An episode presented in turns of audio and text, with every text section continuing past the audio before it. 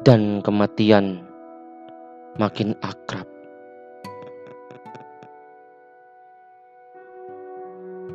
Di muka pintu masih bergantung tanda kabung, seakan ia tak akan kembali.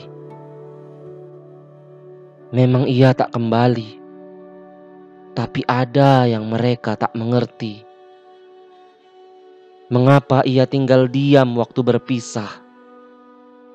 Bahkan tak ada kesan kesedihan pada muka dan mata itu yang terus memandang seakan mau bilang dengan bangga.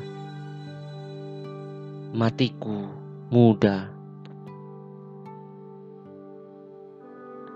Ada baiknya mati muda dan mengikut mereka yang gugur sebelum waktunya di ujung musim yang mati dulu, bukan yang dirongrong penyakit tua, melainkan dia yang berdiri menentang angin di atas bukit atau dekat pantai, di mana badai mengancam nyawa.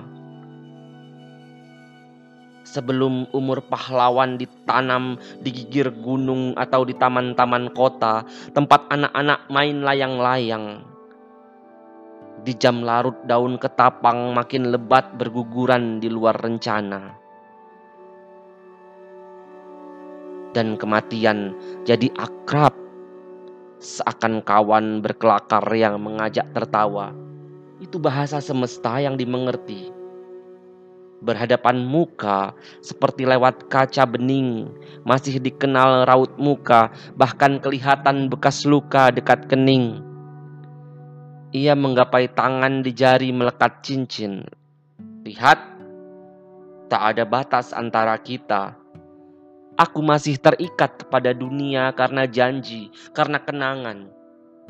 Kematian hanya selaput gagasan yang gampang diseberangi.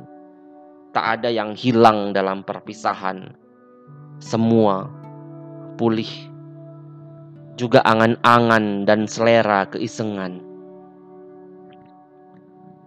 di ujung musim dinding batas bertumbangan dan kematian makin akrab.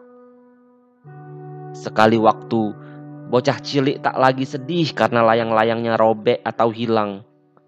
Lihat bu, aku tak menangis sebab aku bisa terbang sendiri dengan sayap ke langit